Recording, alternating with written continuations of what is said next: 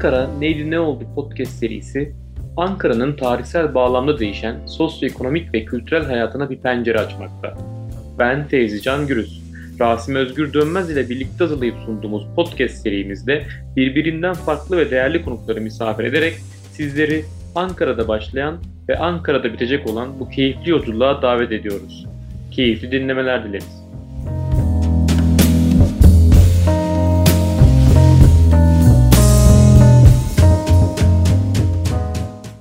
Herkese merhabalar. Ankara Neydi Ne Oldu podcast serisinin ilkinde Ankara'da gündelik yaşam bölümümüzde bugünkü konuğumuz İletişim Fakültesi eski öğretim üyesi ve Ankara üzerine çok yazıp çizen Funda Şenol Cantek hocamız. Hocam hoş geldiniz öncelikle merhabalar. Hoş bulduk. Çok teşekkürler davet için. Hele de ilk konuk olmak ne kadar sevindirici bir şey. Çok sağ olun. Hoş geldiniz hocam. Hoş bulduk hemen ilk soruyla başlamak isterim e, müsaadenizle. Rica ederim Fevzi, dinliyorum. Şimdi Ankara kenti tarih boyunca birçok topluluğa, birçok uygarlığa ev sahipliği yapmış, birçok toplumu ağırlamış bir kent, bir bölge. İşte Lidyalılar, Hititler, Frikler, Galatlar. Kısaca soracak olursak hocam, başkent oluşundan önce, Cumhuriyet dönemi öncesinde Ankara neydi? E, şimdi önce şunu söyleyeyim biz resmi tarih anlatısında Ankara'nın hep yoktan var edilmiş bir şehir olduğunu dinledik. Hatta marşı da vardır biliyorsunuz. Ankara, Ankara, güzel Ankara e, diye başlayan marşımız vardır. E, aslında hiç de öyle değil. Bayağı bir kozmopolit şehirden bahsediyoruz eski Ankara'dan bahsettiğimizde, İmparatorluk dönemi Ankara'sından bahsettiğimizde. E, bir kere rahatça kentsel palimpsestin örneği olabilecek bir şehir diyebiliriz Ankara için. Sen de demin söyledin. Birçok medeniyete ev sahipliği yapmış ve o medeniyetten kalan e, değerli izleri, kalıtları aslında e, zar zor da olsa bugüne kadar taşıyabilmiş bir yerleşim burası. Bugün mesela eski şehir tarafına, ulus tarafına kısa bir yürüyüş yaptığınızda biraz zorlayarak da olsa ben buna hep gözünüzle arkeolojik kazı yapmak diyorum gözünüzle arkeolojik kazı yaparak ve biraz bilgi birikimiyle fark etmeniz, görmeniz mümkün. Hatta bazı camilerin duvarlarında Roma yazıtlarını fark edebilirsiniz. Mesela kalede sütun başlıkları ve rölyefleri görebilirsiniz kale duvarlarında. E, Hacı Bayram Türbesi ve camisi ile August Tapınağı'nın yan yana olduğunu görürsünüz. Bunlar işte e, Ankara'nın geçmiş medeniyetlerinin ne kadar zengin bir miras bıraktığını dair kanıtlar. Hatta şunu da tavsiye ederim dinleyenlere. Anadolu Medeniyetleri Müzesi'nin Ankara Kazıları bölümü vardır en alt katta. Basitçe o kata inip birazcık dolaştığınız zaman Ankara şehrinin ve mücavir alanının da yapılan kazılardan elde edilen buluntuları tek tek izleyerek aslında şehrin ne kadar katmanlı bir kent olduğunu görmeniz mümkün. Bunu da mesela tavsiye ederim. Ee, Ankara'nın Cumhuriyet öncesinde kozmopolit bir şehir olduğunu söyleyebiliriz. Soft ticaretinden e, dolayı şehre gelip giden Avrupalı tacirler var. Mesela anılarda Venedikli tacirlerden söz ediliyor. Tabii ki bu tür karşılaşmalar gündelik hayatı, kültürü bir ölçüde etkiliyor. Ve Ankara'da nüfusun %20'sinin gayrimüslimlerden oluştuğunu da belirtelim. Sırasıyla Ermeniler, Rumlar ve Yahudiler en az nüfusa sahip olan Yahudiler. Fakat Ermeni ve Rumlar arasında kayda değer bir Ankaralı olduğunu, Ankara nüfusu olduğunu söyleyebiliriz. Bunların bir kısmı Katolik. Tabii ki ibadethaneleri var. Tabii ki kendi sosyalleşme mekanları var. Bunların da bir kısmı soft ticaret yani keçi kılı ticaretiyle geçiniyor. Keçi kılı ticareti uzun dönem Ankara'nın ticari hayatına hakim olan bir pratik. Uzun süre Rahmi, Ko Rahmi Koç Müzesi'nde sergilenen ve Hollanda'dan Rijksmuseum'dan getirilen bir Ankara manzarası adlı bir tablo var.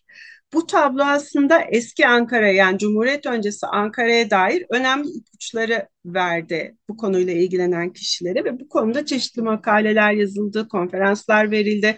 Ee, benim için yeni olan şey şu oldu. Genelde Cumhuriyet öncesi Ankara'sında kadınların kamusal hayatta çok fazla görünür olmadıkları söylenir. Fakat bakıyoruz ki ticari faaliyetlerin içerisinde bayağı varlar. Yani erkeklerle dirsek teması içinde çalıştıklarını görüyorsunuz. İşte soft ticaretinin bir parçası olduklarını görüyorsunuz aslında. Tabii tesettür kurallarına uygun biçimde. Tabii ki konutlar, idari birimler ve ticari ve sosyal hayat da o kalenin eteğinde Tahtel Kale denilen e, yerde gerçekleşiyor. Birçok başka şehirde olduğu gibi.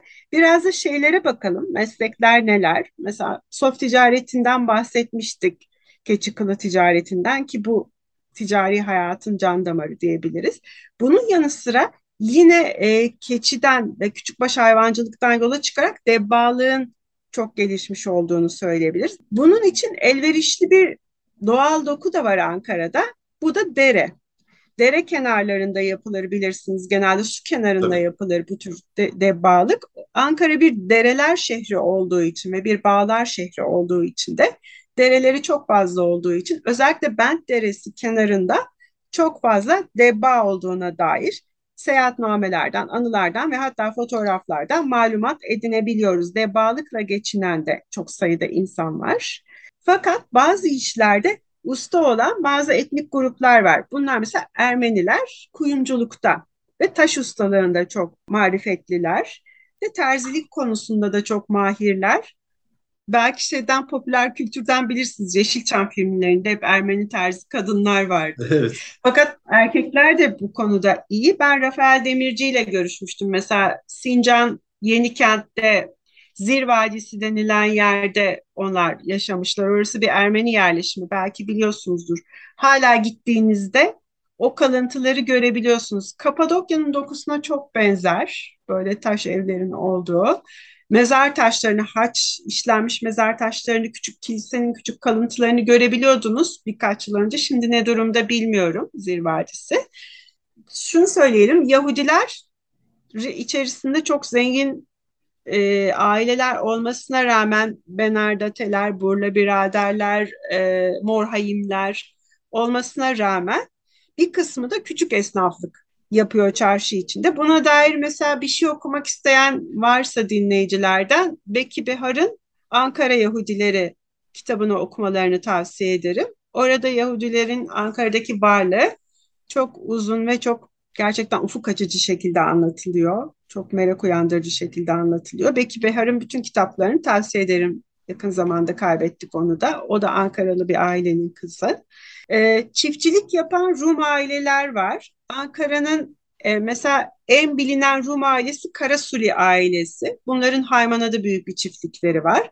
Karasuli ailesinin neredeyse Ankara'daki bütün görkemli yapıların işte kiliselerin bakımından sorumlu olduğu veya sahibi oldukları söylenir. Karasuli ailesi 1916 yangınında varlıklarının çoğunu kaybediyor ve nüfus mübadelesiyle gitmek zorunda kaldıklarında da yanlarında 52 tane anahtar götürüyorlar. Bence bu çok sembolik bir şey. Bir gün geri dönebileceklerini düşünerek ellerinde kalan varlıkların anahtarlarını götürüyorlar. Ve şu da var, o Ankara yangınında Karasuli ailesine ait binalardan birisi ayakta kalıyor, birisinin duvarı ayakta kalıyor. O binanın adı da İnat.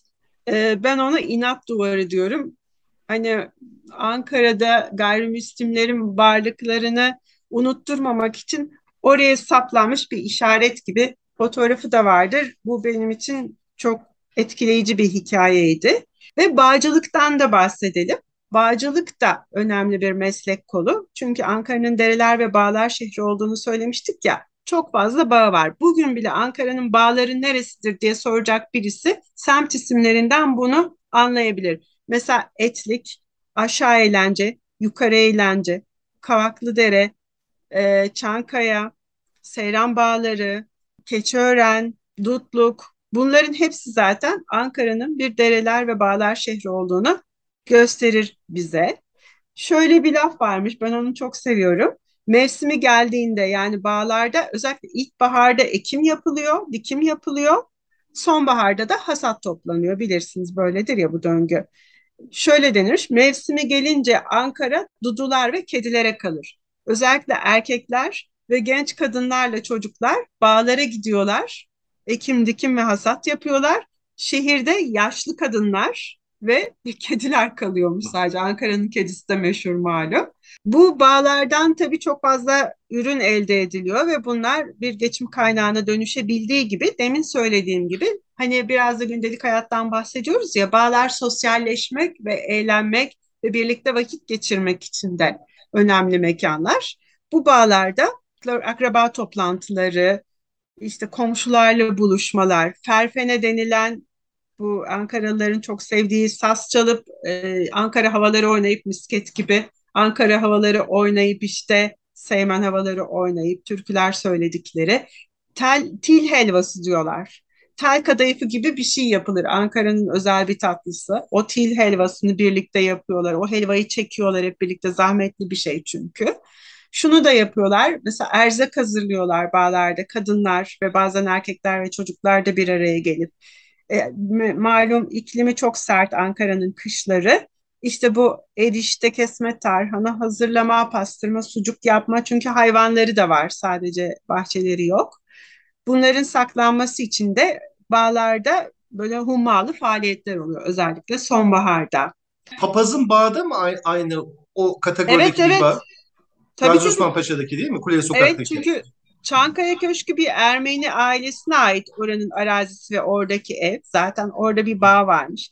Hatta bizim şimdi oturduğumuz köşkün civarındaki lokasyonda tamamen bağ evlerinden oluşuyor. Bu sebepten burada asırlık ağaçlar var mesela.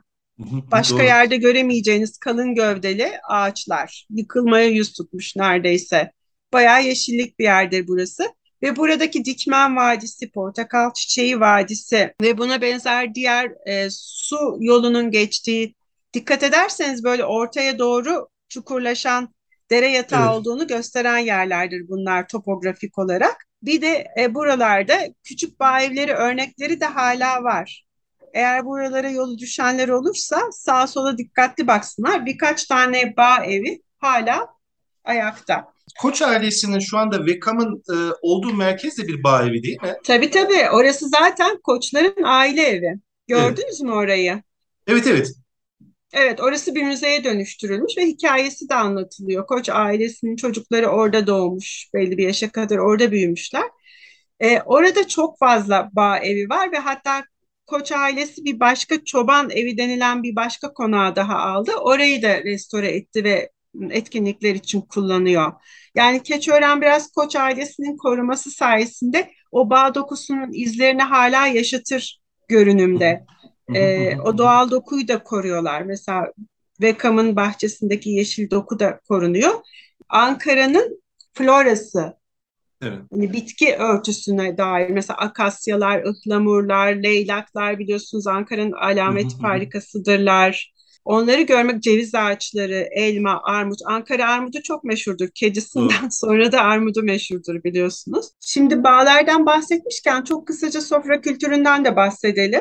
Doktora tezim için sözlü tarih görüşmeleri yapmıştım. İşte Cumhuriyet öncesi Ankara'sında deneyimlemiş olan kişilerle son kuşakta artık.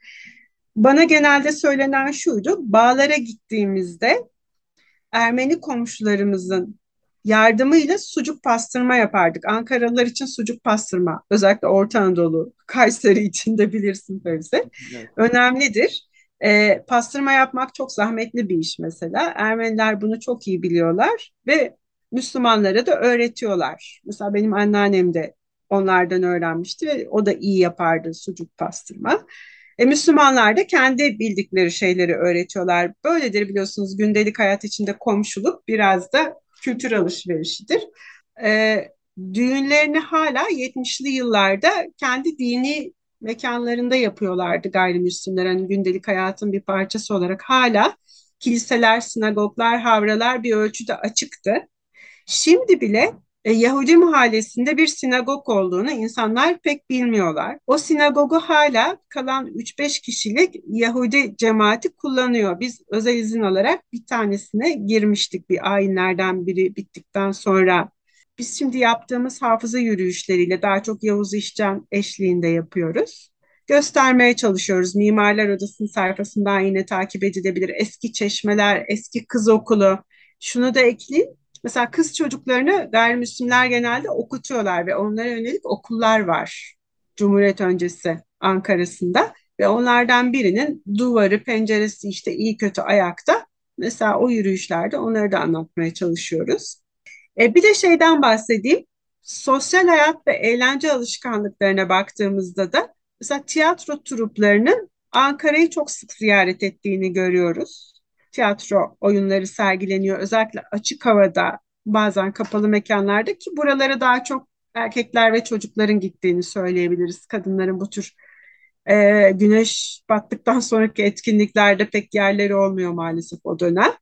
Ahmet Fehim Bey'in anıları vardır okumak isteyenler için. Osmanlı coğrafyasında ve özellikle Ankara civarında da Orta Anadolu'da da ne kadar çok Ermeni nüfusun yoğun olduğunu görüyorsunuz, Rum nüfusun yoğun olduğunu görüyorsunuz ve Ermenilerin arasında da çok sayıda tiyatrocu olduğunu görürsünüz. Yine bu açık hava sinemalarında cambaz gösterileri çok yaygın. Meddahlar çok yaygın ve kantocular çok yaygın. Bu kantocularda Rum ve Ermeni genelde. Cebeci Çayırı bugün stadyumun olup sonra yıkılan yer, stadyumun olduğu yer. Cebeci Çayırı'nda da bu tür gösteriler çok yaygın. Onları da hatırlatalım. Hocam şimdi siz e, bu konuşmamızın başında dediniz ki Ankara aslında bir baktığınız zaman çok ciddi anlamda kültürel bir mirasa sahip olan bir yer, ticari mirasa sahip olan bir yer ama hiçbir şey yoktu gibi anlatılıyor diye söylediniz. İşte ben Yıldız Sertel'in annesinin biyografisini, annem Yıldız Sertel diye bir, onun bir kitabı var. Çok yani herkese tavsiye ederim. Şimdi onlar biliyorsunuz Selanik'ten Nişantaşı'na geliyorlar e, İstanbul'a ve akabinde de Cumhuriyet kurulur kurulur kurulmaz bir şekilde Ankara'ya geliyorlar ve Ankara e, çizdiği profilleri çok iç açıcı değil. Hı hı. Yani e, her taraf çamur doluydu diyor işte şey diyor yani e, bir hayal kırıklığı var. Acaba bu tarihi yazanlar yani Ankara'yı bu şekilde e, anlatanlar acaba daha kozmopolit, daha küresel şehirlerden geldikleri için mi acaba böyle bir yazımda veya anlatımda bulunuyorlar? Böyle bir şey sormak istiyorum. Bir diğer sorum da yani asıl işte yani süreci devam ettireceğimiz soru da şu. Cumhuriyet'in ilanı Ankara'da neler değiştirdi? Yani bu e, ciddi hızlı bir böyle bir şey mi oldu, bir kopuş mu oldu yoksa bu süreç biraz yavaş yavaş daha devam etti mi diye soracaktım ben. Öyle söyleyelim hocam. Şimdi bu bahsettiğim soft ticaretinden edinilen gelir, o zenginlik, o gösteriş soft ticaretinin sönümlenmesiyle birlikte aslında yavaş yavaş azalıyor. Yani Ankara gerçekten yoksullaşıyor bir ölçüde. 1916 yangınından sonra da konut alanlarının çok büyük bir bölümü yanıyor. O Tahtalkale dediğimiz bölgedeki. E haliyle şey de var Osmanlı'nın son dönemi o çalkantılar, ödenek gelmemesi, idari krizler, işte borçlar vesaire derken bütün Osmanlı coğrafyasına yayıldığı gibi Ankara'da da bir çöküş döneminin izlerini görüyoruz. O yüzden hani anlattıkları şeyler çok da yanlış değil. O refah dönemi artık yavaş yavaş azalmış. Fakat bir yandan da söylediğinizde de doğruluk payı var. Onların geldikleri yer, yaşadıkları kültürle Ankara'yı kıyaslamalarının neticesinde de böyle bir şey olabilir ve yerleştiği yer önce Zekeriya Sertel geliyor anılarından bildiğim kadarıyla ve Keçiören tarafında bir yere yerleştiriliyor. Yanlış hatırlamıyorum doğru, değil doğru, mi? Doğru, doğru, doğru, doğru. Bir lojman gibi bir yere yerleştiriliyor. Ve orası e, tabii ki daha böyle hani modern şehircilik anlamında gelişmiş bir yer değil. E, yani toz toprak içinde, çamur içinde, yağmur yağdığı zaman yolda yürünmez hale gelen.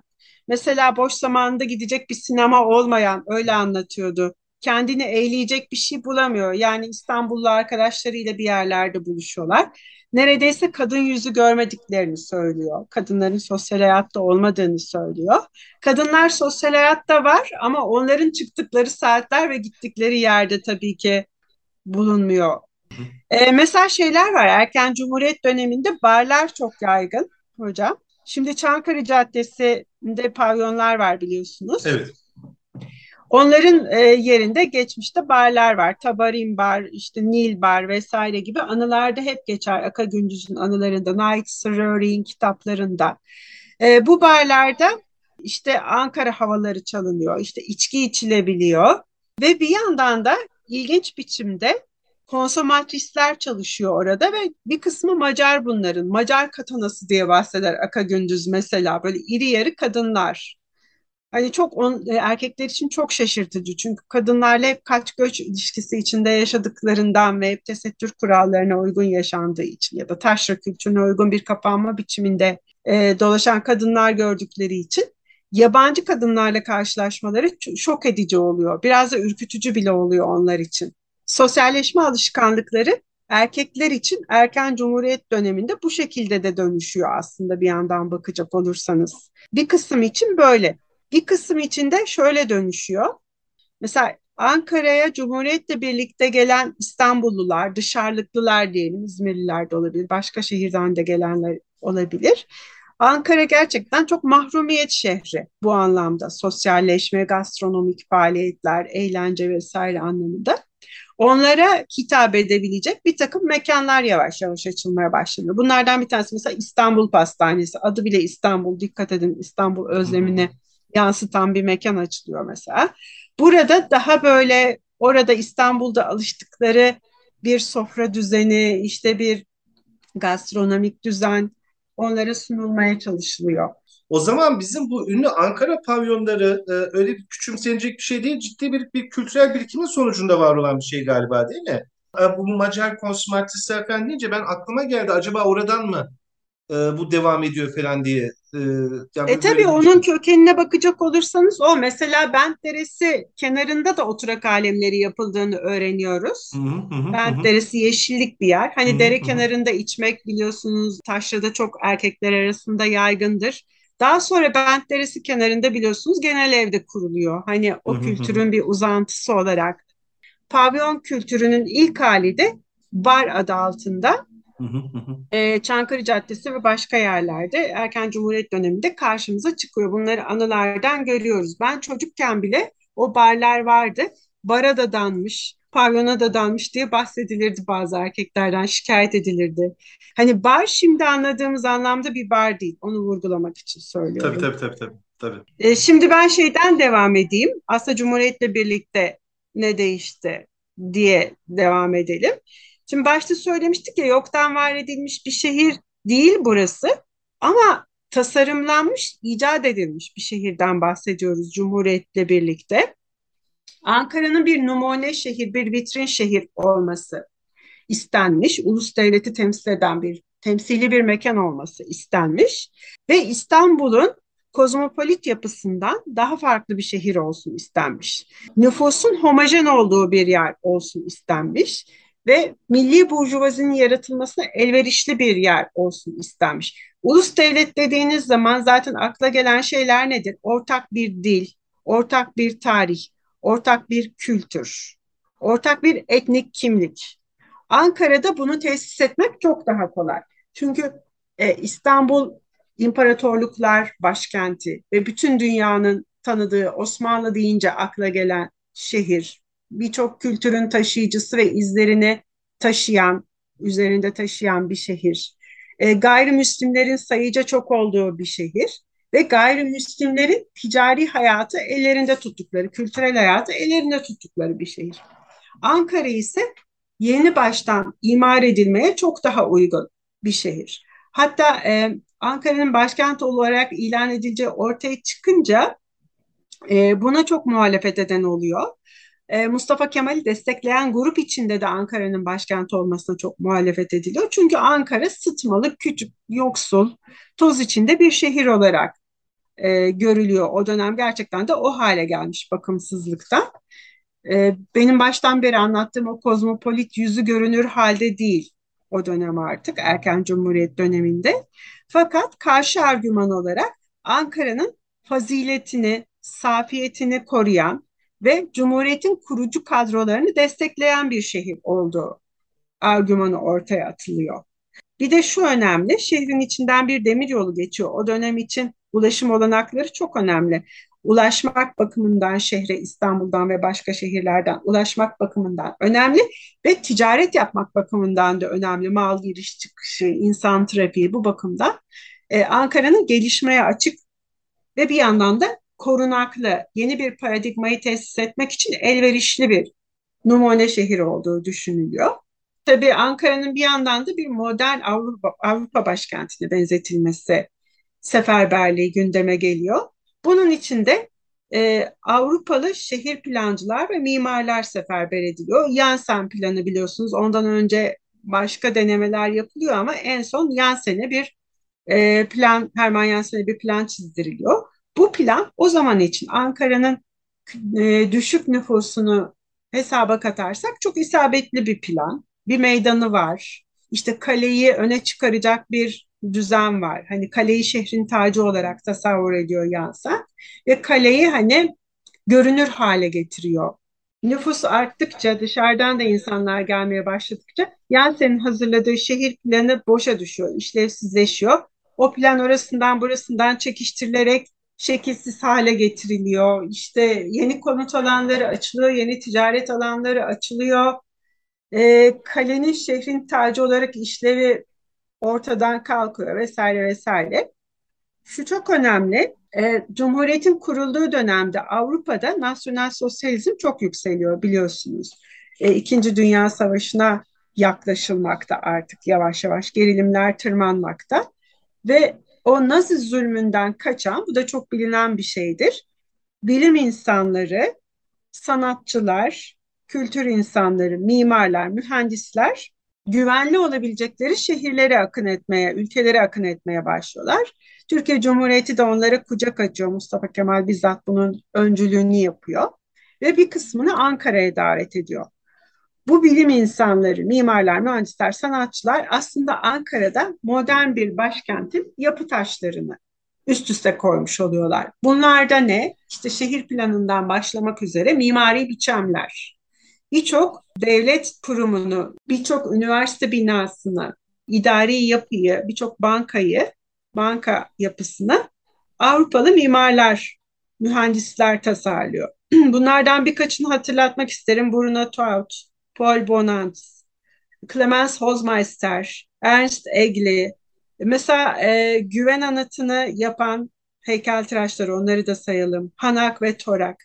Görürsünüz zaten isimleri yazar Güven Park'taki güven anıtına. Bunlar aslında erken Cumhuriyet Ankara'sında imzası olan kişiler. Ve bununla da kalmıyor. Üniversitelerdeki birçok kürsüyü de bu yabancı bilim adamları kuruyor. Siz de bilirsiniz kendi çalıştığınız ve okuduğunuz üniversitelerde. Dil ve Tarih Coğrafya Fakültesi çok önemlidir Türkiye Cumhuriyeti tarihinde. Çünkü e, ulus devletin resmi tarih, dil ve coğrafya e, kavrayışını empoze eden, bu doğrultuda eğitim veren bir fakülte burası. Şunu da eklemek isterim. E, Cumhuriyet öncesinden başlamak üzere aslında Ankara'da bir de beyaz Rus, Rus nüfusu var. E, Sovyet devriminden kaçarak gelen aristokrat sınıftan bahsediyorum. Bunlar İstanbul'a ve İzmir'e ve başka şehirlere gittikleri kadar Ankara'ya da geliyorlar.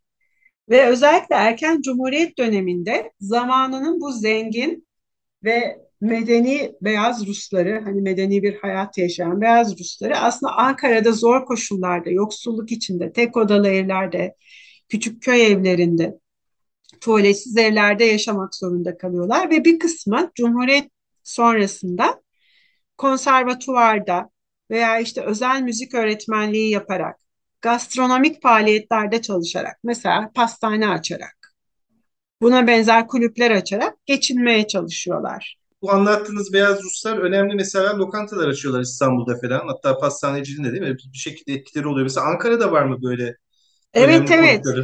Tabii Restoran ki. ve pastane. Evet, e, şimdi şeyi söyleyelim ona gelmeden. Mesela bu şehir bir modern batı başkentine dönüştürülmek isteniyor ya. Bu doğrultuda tabii sosyal hayatın ve gastronomik faaliyetlerin, e, sosyal etkinliklerin de dönüştürülmesi lazım. Eğlence anlayışlarının, sosyalleşme anlay anlayışlarının da dönüştürülmesi önemli. Çünkü bu halk terbiyesi seferberliği sadece halkın kamusal alandaki varlığını değil, özel alandaki hayatını, ilişkilerini de dönüştürmeyi, sofra kültüründen karşı cinsel ilişkilere, işte boş zaman değerlendirme faaliyetlerinden sofra kültürüne kadar her şeye hakim olmayı gerektirdiği için bu ideal vatandaş tipi bütünüyle inşa edilmek istendiği için, bir heykel gibi yontulmak istendiği için e, modern yeme içme kültürü ve sosyalleşme biçimlerine de aşina olması isteniyor. Bizzat Mustafa Kemal'in davetiyle Karpovic, e, George Karpovic Rusya'dan çağrılıyor. Önce İstanbul'da bir mekan açıyor ve sonra Ankara'da Karpiç lokantasını açıyor. Şimdiki e, Ulus'ta şehir çarşısının olduğu yerde tabii ki o bina ayakta değil ama yeri orası. Çünkü eskiden e, erken Cumhuriyet döneminde şehrin merkezi kalbinin attığı yer Ulus, Yenişehir veya Kızılay değil biliyorsunuz. Fakat Karpiç'e herkes giremiyor. Önce milletvekilleri, bürokratlar, diplomatlar, üst düzey gazeteciler, şehrin önde gelen eşrafı girebiliyor. Hatta kadınlar tek başlarına giremiyorlar. Bu da çok ilginçtir. Zamanla oluyor bu. Yine de o muhafazakarlık bir ölçüde devam ediyor. Ve orada batılı damak tadı hakim Karpiç lokantasında. Mesela Ankaralılar ilk defa çileyi, portakalı orada görüyorlar girebilenler. Giremeyenler de lafını, sözünü duyuyor. Aa orada portakal varmış, orada çilek varmış. Baya böyle ulaşılamaz bir şey olarak. Bu bir. İkincisi Ankara Palas var. Ankara Palas'ta Mustafa Kemal'in yine ön ayak olmasıyla Fransızların işlettiği bir yer. Ankara Palas hala var. Biliyorsunuz devlet konuk eviydi. Şimdi bir otele dönüştürüldü. O evet. da e, meclisin birinci ve ikinci meclise yakın yerde. Neden birinci ve ikinci meclise yakın yerde? Çünkü o da oradaki nüfusa hitap ediyor, milletvekillerine hitap ediyor, işte devlet kurumlarında işi olan dışarıdan gelen insanların kalabileceği bir yer, diplomatların kalabileceği, oradaki sosyal, sosyal etkinliklere katılabilecekleri bir yer, şık salonlarda lüks sofraların kurulduğu bir yer aynı zamanda. Yabancı şarkıcılar var, caz konserleri var, klasik müzik konserleri var. Mustafa Kemal'in orada bir odası var. O da orada kalıyor. Hatta biz zamanında bir Ankara Palas belgeseli yapmıştık. TRT'nin arşivinde var. İzlemek isteyenler açıp izleyebilirler. Kısa bir belgesel. Ankara Palas da orada açılıyor. Şunu da söylemek isterim. Şehrin merkezi orada olduğu için bütün idari bilim birimler, ticari birimler, bankalar, meclis, oteller, modern lokantalar, e, pastaneler, gazete büroları, dergi büroları hepsi orada olduğu için aslında Cumhuriyet'in kalbi uzun süre orada atıyor. Rüzgarlı Sokağı bilirsiniz. Rüzgarlı Sokak'ta da gazete büroları var. Gazete büroları neden orada? Yürüyerek ulaşılabilecek mesafede olması şart var. Meclisteki bir toplantıya hemen koşarak hızlı hızlı gidebiliyorlar. Telefon olmadığı için, telefon bağlantısı veya çok zor olduğu için e, notlarını alarak gazete bürosuna koşup hemen haberi yazma ve diğer rakiplerini atlatma zorunluluğu var. İşte mesela Ankara Palas'taki bir davete gidip bir basın toplantısına gidip oradan bilgiyi alıp e, gazete bürosuna götürme zorunluluğu var. Mesela şimdi ünlü olan birçok sanatçı, yazar, şair OVHAN'da, Rüzgarlı Sokak'taki OVHAN'da ofisi bulunan, bürosu bulunan Dost ve Seçilmiş Hikayeler Yayın Evi'nin sahibi Salim Şengil'in ofisinden geçmiş. Mesela orada yetişmişler. Ankara'dan yolu geçmeyen, Ankara'daki herhangi bir mekanla, bir kafeyle, pastaneyle, otelle, gazete, dergi bürosuyla, bürosundaki insanlarla hemhal olmamış, oraya girip çıkmamış insan neredeyse yok diyebiliriz. O dönemde canlı bir sosyal hayat ve çok canlı bir kültürel hayat var. Ulus ve civarında. 40'lı yıllara kadar ve 40'larda daha hatta Demokrat Parti dönemine kadar diyebiliriz. Yani yeni şehrin şehrin yeni merkezi olmasına kadar ulusun çok canlı bir sosyal hayatı olduğunu söyleyebiliriz. Ha şunu da söyleyeyim. Sokak adları da değiştiriliyor Cumhuriyet'le birlikte. Aslında o resmi tarih anlatısının teellendiği hikayelerden yola çıkarak veya kişilerden veya olaylardan yola çıkarak sokak isimleri belirleniyor. Mustafa Kemal Bulvarı, Cumhuriyet Caddesi, İstiklal Caddesi vesaire vesaire gibi örneklerden bahsedebiliriz.